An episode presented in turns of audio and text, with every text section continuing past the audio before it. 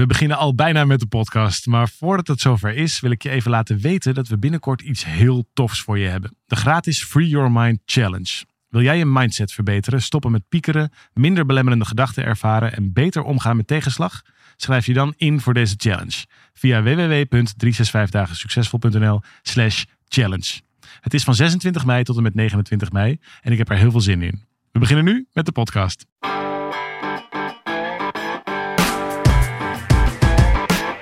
Van harte welkom bij deze podcast van 365 dagen succesvol. Wij zijn David en Arjan en we delen in deze podcast de eye-openers die cruciaal zijn voor een gelukkiger leven. Lieve David en Arjan. Mooi hè? Ik vind het altijd zo fijn als mensen daarmee beginnen. Dat doet toch bijna iedereen. Ja, of zijn dat alleen de vragen die jij voorleest? Kan natuurlijk ook. Ja, de rest negeren dat we. Veel mensen, ah, die negeren we. Of doen- werkt dat zo? Lieve David en Arjan, ik vind het leuk. Zullen we onze podcast zo noemen? Nou, dan zeg je wat. Lieve David.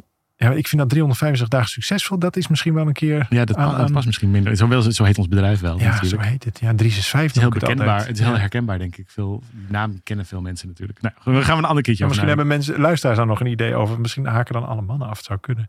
Ja, zou dat nog zo ouderwets zijn? Dat Ja, mannen er niet tegen kunnen dat ze lief worden genoemd? Ik vind het heel leuk als mensen mij lief noemen. Oh nee, maar dat, dat wel. Maar als je, als je ons nog niet kent, en dan krijg je een soort van. Oh ja, lief, niet, niet een soort van. lieve Mona. eh, Oh ja, dat. Beetje die, Ja. Ik vind, ik vind Ik wel een leuke daarvan. suggestie. Ja, ik vind Gewoon vragen. Nou, gewoon vragen beantwoorden. Dat is ook wat we doen. Lieve luisteraar, als je het, een goed idee, als je het ook zo'n goed idee vindt, laat het ons even weten. Ik vind het, ik vind het Een nieuwe naam voor de podcast. Lieve David en Arjan. betere naam Ja, dan... Oké, eh, nou we gaan erover nadenken. Maakt helemaal niet uit. Over op zich helemaal volstrekt onbelangrijk trouwens. Totaal onbelangrijk. Maar we hebben het toch weer even over gehad. Tussen de regels door, zegt ehm Zoe, Zoe Zita. Die zegt, tussen de regels door hoor ik vaak boodschappen die mijn systeem op een diep niveau begrijpt. Elke keer weer een reis naar mezelf, terwijl ik naar jullie luister. Heel fijn. Dank voor jullie delen. Mooi toch?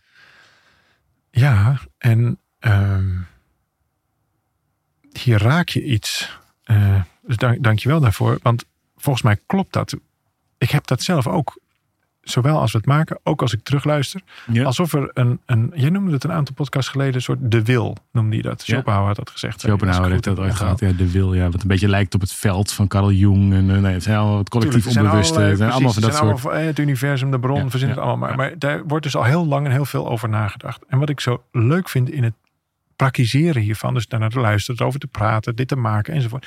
Dan kun je het puur hebben over ratio, dus de woorden. Wat je dat begrijpt. Wat ja, wat we begrijpen, wat er, letterlijk gezegd gezegd wordt. En dan Ja. wordt de meest logische reactie ook, ben ik het ermee eens of niet? Ja. Of wat vind ik er dan zelf van?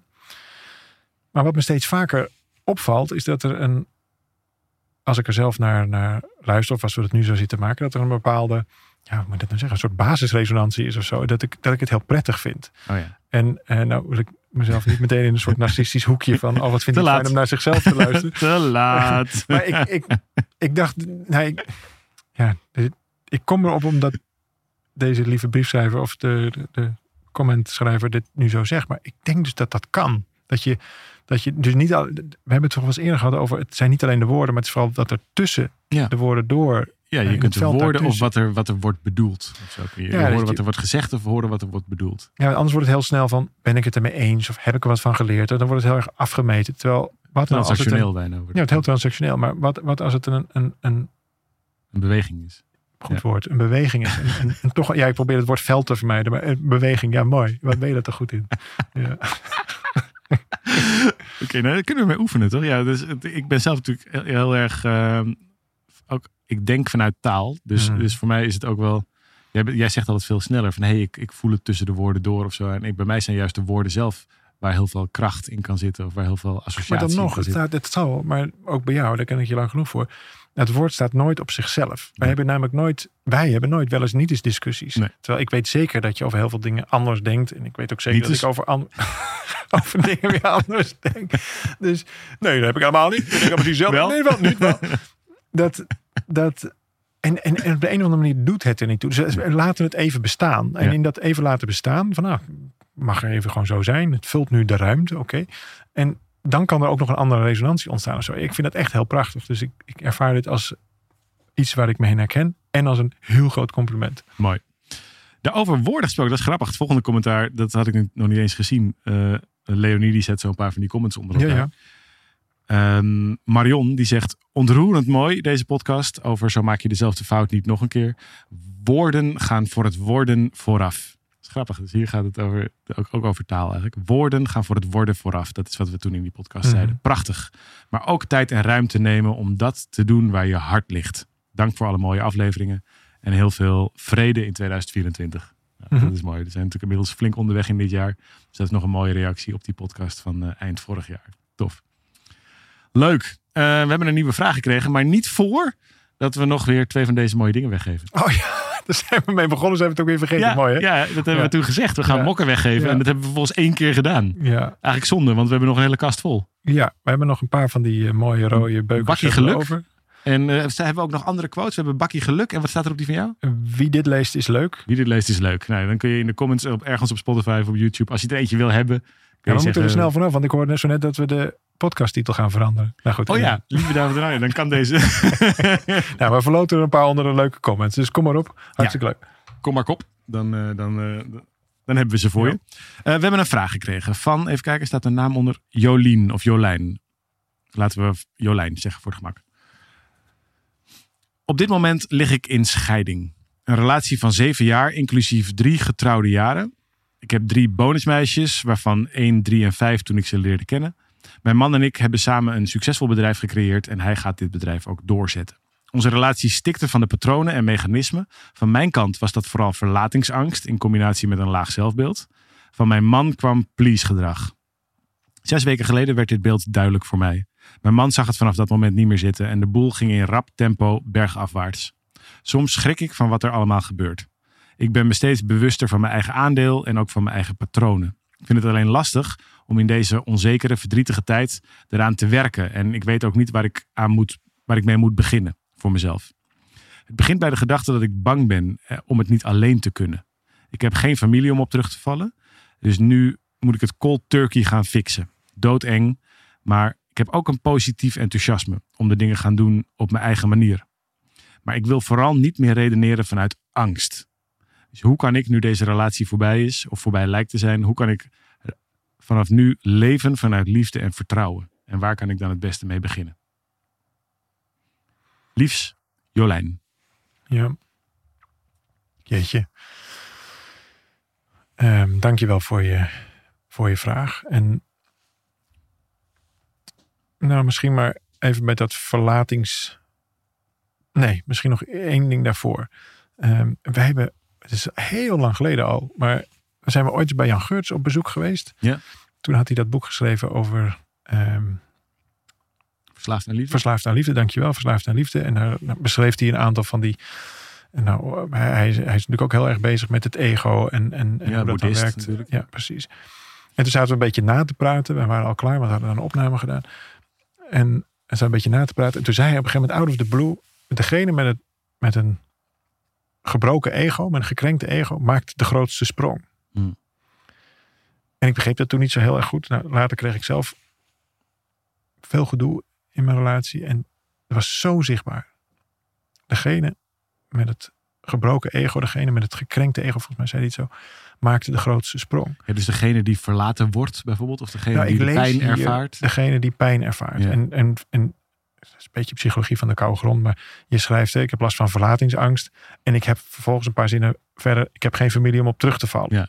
Nou, dan zie je eigenlijk de, de soort van egoïsche terechtheid van de verlatingsangst. Ja, je bent al alleen, zou je kunnen zeggen. Ja. Dus logisch dat je niet al- alleen al- wil, komen te staan. Ja. Dus dan, dan is het bijna tegen elke prijs dat deze relatie maar moet lukken. Ja. Nou, je hebt het ook al over dat je je patronen doorziet. Alleen dat je nog niet zo goed weet hoe je daar dan antwoord op zou moeten geven. Of hoe je dat zou, zou anders zou kunnen doen. ben je eigenlijk al aan het doen. Hè? Dat is natuurlijk wel even tussen de... Prachtig, hè? Dat is hartstikke mooi. Ja, nee, dat is super. Joh, de, de stap die je nu zet, namelijk dit zelfinzicht, is iets wat de meeste mensen overslaan. Weet je, wat we heel belangrijk maken in onze methodiek, maar daar hebben we het eigenlijk nooit over, is catch yourself. Dus dat je in eerste instantie durft om naar jezelf te kijken. Dat je jezelf in de gaten gaat hebben van, hé, hey, nu doe ik dit. En dat, dat is heel moeilijk. Dus ons, ons eigen ego wil heel graag zo'n onschuldig beeld over onszelf, waarin je, eh, waarin je jezelf niks te verwijten valt, waarin je altijd je best hebt gedaan, waarin je altijd je beste beentje voor hebt gezet. En door te durven naar jezelf te kijken, met wat vind ik nou echt spannend, wat vind ik nou echt moeilijk, waar heb ik nou echt plank misgeslagen. Ja, Ja, kleine nuance op. Want het ego doet twee dingen.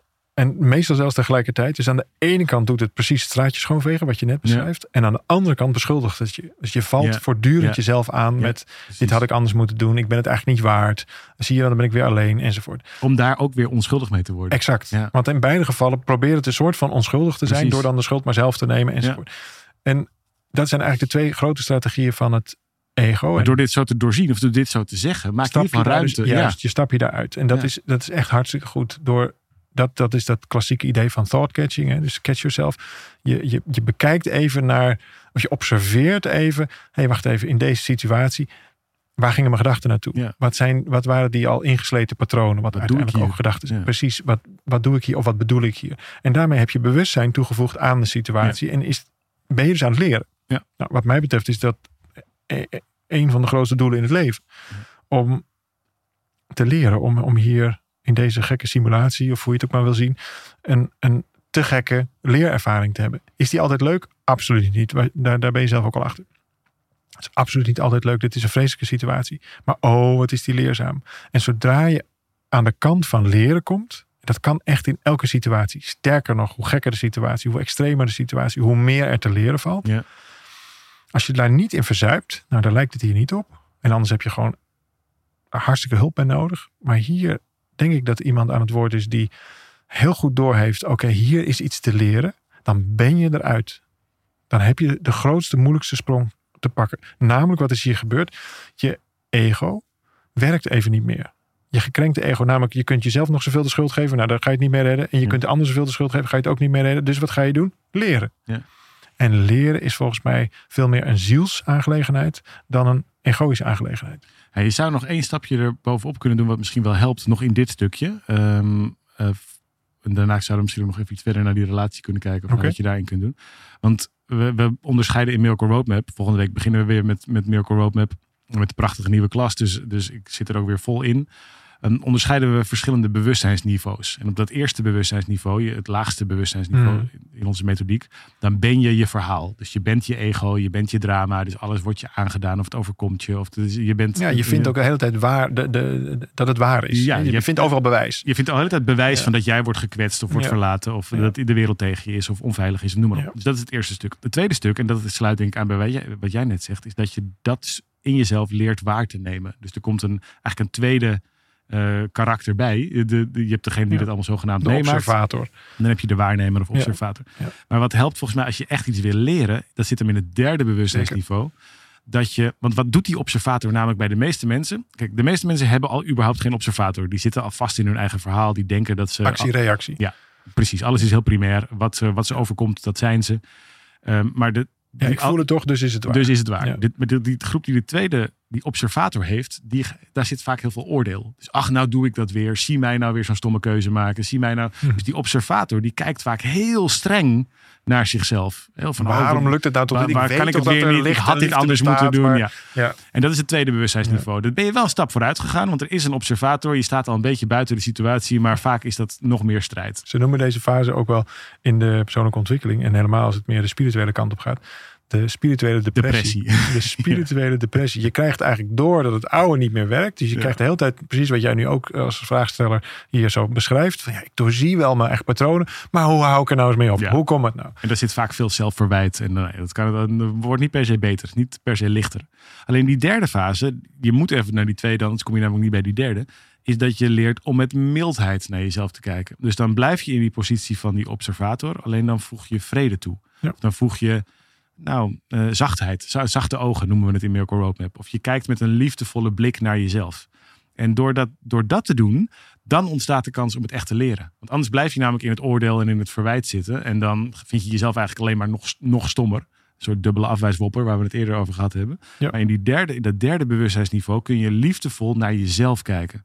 En door dat te doen, het gekke wat er dan ontstaat, is dat er dan ontstaat er een soort loopje van liefde. Want je kijkt met liefde naar jezelf. Daardoor voel je ook meer liefde in jezelf. En verdwijnt dus ook al een stukje van de, de onrust of de onzekerheid. En daar krijg je dan vervolgens weer een goed gevoel bij, waardoor je weer met liefdevoller naar jezelf kijkt. Ja, en wat hier heel helpend in is, is dat je, en misschien is dat voor jou heel anders, hè, maar voor mij is het hier zijn, op deze wonderlijke, in deze wonderlijke wereld, is het een leerervaring. En dan ineens is alles ook behulpzaam. Ja. Alles is behulpzaam en dient ook dat hogere leerplan.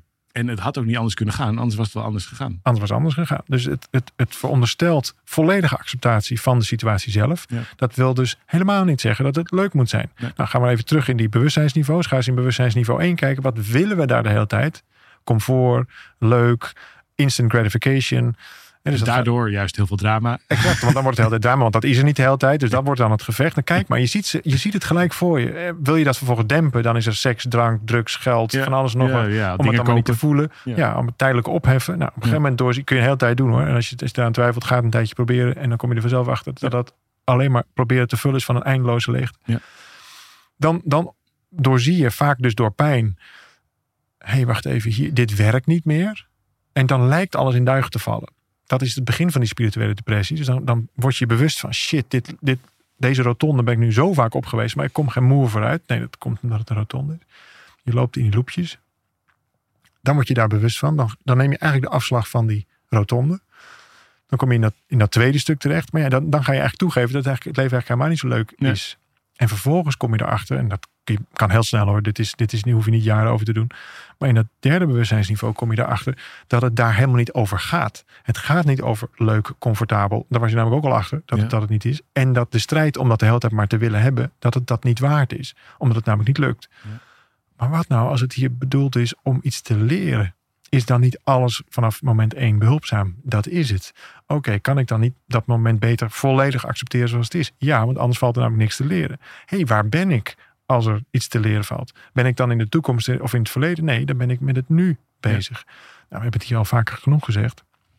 Als je wonderen wil toewensen in je leven, als je, als je een wonderlijk, een verwonderlijk leven wil hebben, dat, dat kan alleen, kun je alleen maar waarnemen in het nu. Kun je Ja. alleen maar waarnemen als je hier ook echt bent. Niet in de gedachtenwereld van het verleden of in de gedachtenwereld van de toekomst.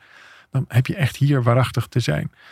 Dus het leven toestaan een leerervaring te zijn, lost zo verschrikkelijk veel op. Hebben we hier te maken met een leerervaring in deze vraag? Absoluut. Heb jij door dat het een leerervaring is? Absoluut. ja. Helemaal. Ja. Dus dit is het antwoord op je eigen vraag. En hoe ga ik hiermee om en hoe kan ik hiermee lie- liefde aan toevoegen? Toch? Dat, dat was de Ja, hoe kan ik redeneren vanuit liefde en vertrouwen? Of keuzes maken vanuit liefde en vertrouwen? Door het te zien als een leerervaring. Zie het leven als een leerervaring. En je bent het al aan het doen, hè? Want eigenlijk, eh, Jo- Jolijn die zegt, het begint bij de gedachte dat ik bang ben het niet alleen te kunnen. Maar je doet het al. Je doet het al. En misschien niet alleen, omdat je het nooit alleen kunt zijn. Maar die relatie zoals die was, die is in ieder geval al voorbij. Die is veranderd al. Dus dat, dat beeld van alleen zijn, dat is al in je leven. En toch laat je hiermee zien, hé, hey, wacht even, ik kan heel goed uitreiken, ik kan hulp vragen, ik kan verbinding zoeken met anderen. Dus dat idee dat je dan na die relatie opeens alleen bent, dat is eigenlijk een idee wat helemaal niet klopt. Dus je kunt, je blijft net zo verbonden, alleen dan misschien op een andere Ja, manier. of je blijft net zo alleen als daarvoor. Ja, En dat is in beide gevallen is dat ook. Hetzelfde, Want ja. dat is namelijk onderdeel van jouw leerervaring. Ja. Misschien wilde je namelijk hier wel leren. Of nou, dat wilde je niet. Dat ben je nu aan het leren. Hoe is het om alleen te zijn? En klopt dat vervolgens wel? Oh, als ik op een dieper niveau voel, ervaar ik misschien juist wel meer verbondenheid dan in die relatie. Hé, dat is grappig. Heb ik weer een stapje gezet in waar werkelijk verbinding nou mee te maken heeft. En dat heeft dus niks met een relatie te maken. En de relatie is de vorm die je daarvoor gekozen hebt, namelijk jullie huwelijk. Nou, die vorm lijkt nu te veranderen. Maar dat zegt dus niks over liefde, licht, vrede, vreugde. Laat dat nou bijna het examenonderdeel zijn van die leerervaring hier. En dan, ja, dan hebben we met elkaar nog best wel een weg te gaan, denk ik. Wij ook. En dat is prachtig. het is nog heel pril. Hè? Het is eigenlijk pas nu, het gaat heel snel nu. Zes weken geleden werd het beeld duidelijk voor mij. En nu is het echt al volle bak in scheiding. Zou je daar nog iets over zeggen? Van nou, ga, ga dat, zet dat proces zo door? Of zeg je, nou, misschien is het ook zinvol om het, als je in de mogelijkheid bent om het een beetje te vertragen, om gewoon eens te kijken daar hoe, hoe dat verder gaat. Ik heb dit zelf jaren geleden aan de stok gehad. Dat ik ook in no time mijn eigen relatie zag afbrokkelen. En, en ook dat ik heel duidelijk was over, ja, dit is gewoon eindig nu. Ja. If you lose, don't lose the lesson. En gelukkig was mijn partner mondig genoeg en verstandig genoeg. En we kregen ook de tip van iemand om eens daar toch naar te laten kijken. Terwijl ik die keuze al heel helder voor Ja. mezelf had. Ja, jij was al weg. Ik was zeker al weg. Ja. En, en, en ik was eigenlijk al veel langer weg. Ja. En daar kwam ik dan later pas achter. Vervolgens hebben we gewoon heel simpelweg hulp gezocht. Dat beviel niet. Hebben we nog bij iemand hulp gezocht. Dat beviel iets beter, maar was eigenlijk nog niet heel goed. En Totdat we op een gegeven moment op een stoel terechtkwamen. Dus, oh, wacht even. Ik werd daar zo emotioneel van. Omdat ik me toen pas besefte, of eigenlijk omdat hij dat gewoon op een bepaalde manier uitlegde, zodat ik het kon ervaren. Dit waren echt geen dingen die ik niet wist, maar wel dingen die ik op die manier door de situatie waar ik in zat, ineens allemaal bij elkaar gebracht zag. Mhm. Waardoor er dus een, en een, een leermoment in een ervaring was. En ik, ik werd daar dus in al die ellende en verdriet en verscheuring, want dat leek het allemaal, werd ik ineens heel gelukkig. Ik ben later met dezelfde dame getrouwd. Ja. Dat had ik echt never nooit gedacht dat dat nog tot de mogelijkheden zou behoren. Maar hier zie je ook weer, leun op het niet weten. Dus ik had geen idee, maar if you lose, don't lose the lesson. En het doet er niet toe of dit, in het geval van de vraagsteller, nog een relatie wordt of niet. Maar het, Nee, dat is bijvangst. dat, ja, maar nou, bijvangst, het, het doet er werkelijk niet toe. Want als het een relatie wordt, dan is het de les geleerd en is er opnieuw verbinding. Mijn relatie nu is zo anders dan voor al dat gedoe. Dat ik, als mensen aan mij vragen, wanneer heb je haar ontmoet? Dan vertel ik het verhaal van Op de stoel. op de stoel bij de relatietherapeut. Ja. Daar hebben we elkaar echt ontmoet. Daarvoor was het ja, vanuit een verliefdheid en, en, en kinderen en gedoe Nieuwigheid en, nieuwigheid en, en soms spanning, maar heel vaak ook eh, moeilijk. En nou, we zijn ook nog eens meertalig. We zijn eh, multicultureel, noem het allemaal op. Dus alle, we zijn ondernemers. Dus alle problemen die op echtscheiding wijzen, alle vinkjes van echtscheiding, die hebben wij, zeg maar. Wij zeggen thuis ook altijd, may the divorce be with you. en, en in ons geval leidde dat dus tot een dachten scheiding. En toen werd het dus niet de divorce be with you, maar de force be with you. En ja, daar, daar, dat vind ik echt, dat zou ik iedereen gunnen die, die in zo'n situatie terechtkomt. If you lose, don't lose the lesson. Anders neem je het mee. Anders ga je gewoon met dezelfde shit de volgende relatie weer in. mee. Dat Ja joh, je schiet geen op. Nee, want ik was natuurlijk degene die eigenlijk niet, niet wilde. Toen heb ik er toch voor gekozen om dan maar mee te gaan. Ja. Zoals denk ik de meeste mannen meegaan in de relatietherapie. en toen ging ik dan toch maar mee, notenbenen met mijn ex. Nou ja, vooruit er maar. Nou, de schellen vielen van mijn ogen, echt waar. Ja. Het was zo ongelooflijk... Ja, eh, mijn, mijn hele concept van liefde verschoof. Daar ben ik ook zo enthousiast over om dit natuurlijk ook, ook vanaf deze plek te delen. Want liefde en, en, en ik heb het ook zo vaak gezegd, maar liefde en, en de vorm zijn twee totaal verschillende dingen. Ik kon eigenlijk pas vrij van iemand houden door ook even Doordat te het voelen. nergens aan hoeft te Juist voldoen. omdat het nergens meer aan hoefde te voldoen. Ik was ineens bevrijd van al die, nou dat lees ik ook in deze vraag, van al die rollen en patroontjes en dingen. Gedoetjes. Al die gedoetjes, die hoefden niet meer. En bam, er was zo verschrikkelijk veel liefde. En vervolgens zijn we weer opnieuw gaan kijken, hé, maar hoe werkt het dan met verbinding? Hoe werkt het dan in een vorm die wel past? Nou, die hebben we meer dan gevonden. Dat is echt, echt een feest. Dus ik Ja. gun, dat, gun iedereen. If you lose, don't lose the lesson. Ja, dus ook op, op het moment dat je uit elkaar gaat, zorg dan in ieder geval dat je daar eh, wijzer uitkomt. Er zijn, eh, mijn vrouw biedt dat ook aan in haar praktijk. Ehm, Scheidingsceremonies. ja, nou, mooi conscious uncoupling noemen ze dat. Oh ja, ja. Dus dat je, dat je heel eh, afscheids, een afscheidssessie doet. Met meerdere sessies zijn het, maar een afscheidssessie doet. Dat is ongelooflijk emotioneel. Ja. Omdat je echt de schoonheid van de relatie gaat benoemen. En daar vervolgens ook eh, dat je dat een plek geeft. Want je gaat namelijk wel, je hebt al Ja, besloten, we gaan echt, echt Ja. los van elkaar verder. Ja. Maar we, de liefde blijft. En dat is iets wat, wat, wat je in je hart gaat dragen.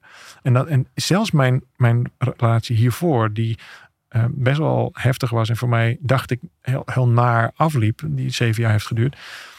ehm, kon ik Met nieuwe ogen bekijken. met nieuwe ogen bekijken. Ook daar werd ik heel emotioneel van. En heb ik heel veel vergevingswerk kunnen doen.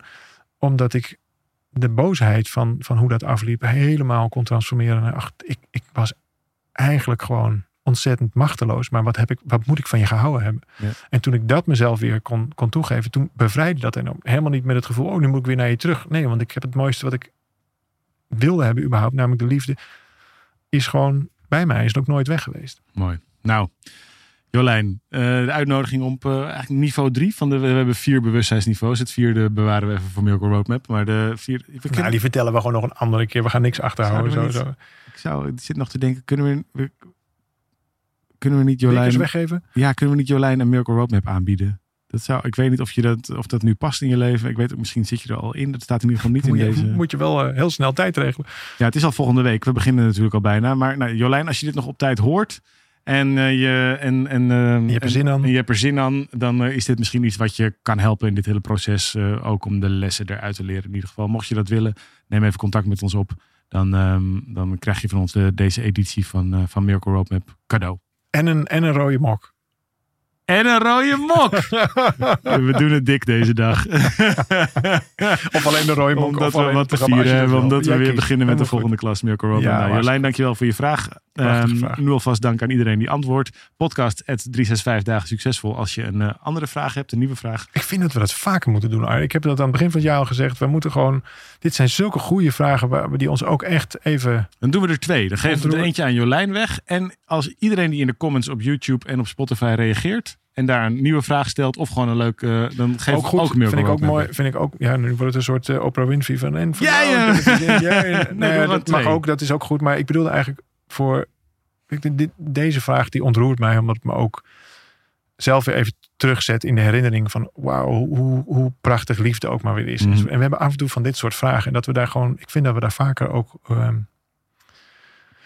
Deel, deelnames, eh, dat, dan kunnen we gewoon ook iets teruggeven. Dat vind ik bij mooi. deze Dus- dus sowieso bij voor deze is- Jolijn. ja, en ehm, en ook sowieso en voor iemand, mok en iemand, die nou een, eh, goed, iemand die een leuk... We doen net als dat we dat een paar weken geleden hebben gedaan. Ja. Dan verloten we er eentje onder de, onder de comments. En ik zou er sowieso, ook al is het al volgende week, tijd voor maken in je agenda. Want het kan je leven veranderen. Eh, dus je bent van harte uitgenodigd. Nou, wij zijn er in ieder geval bij.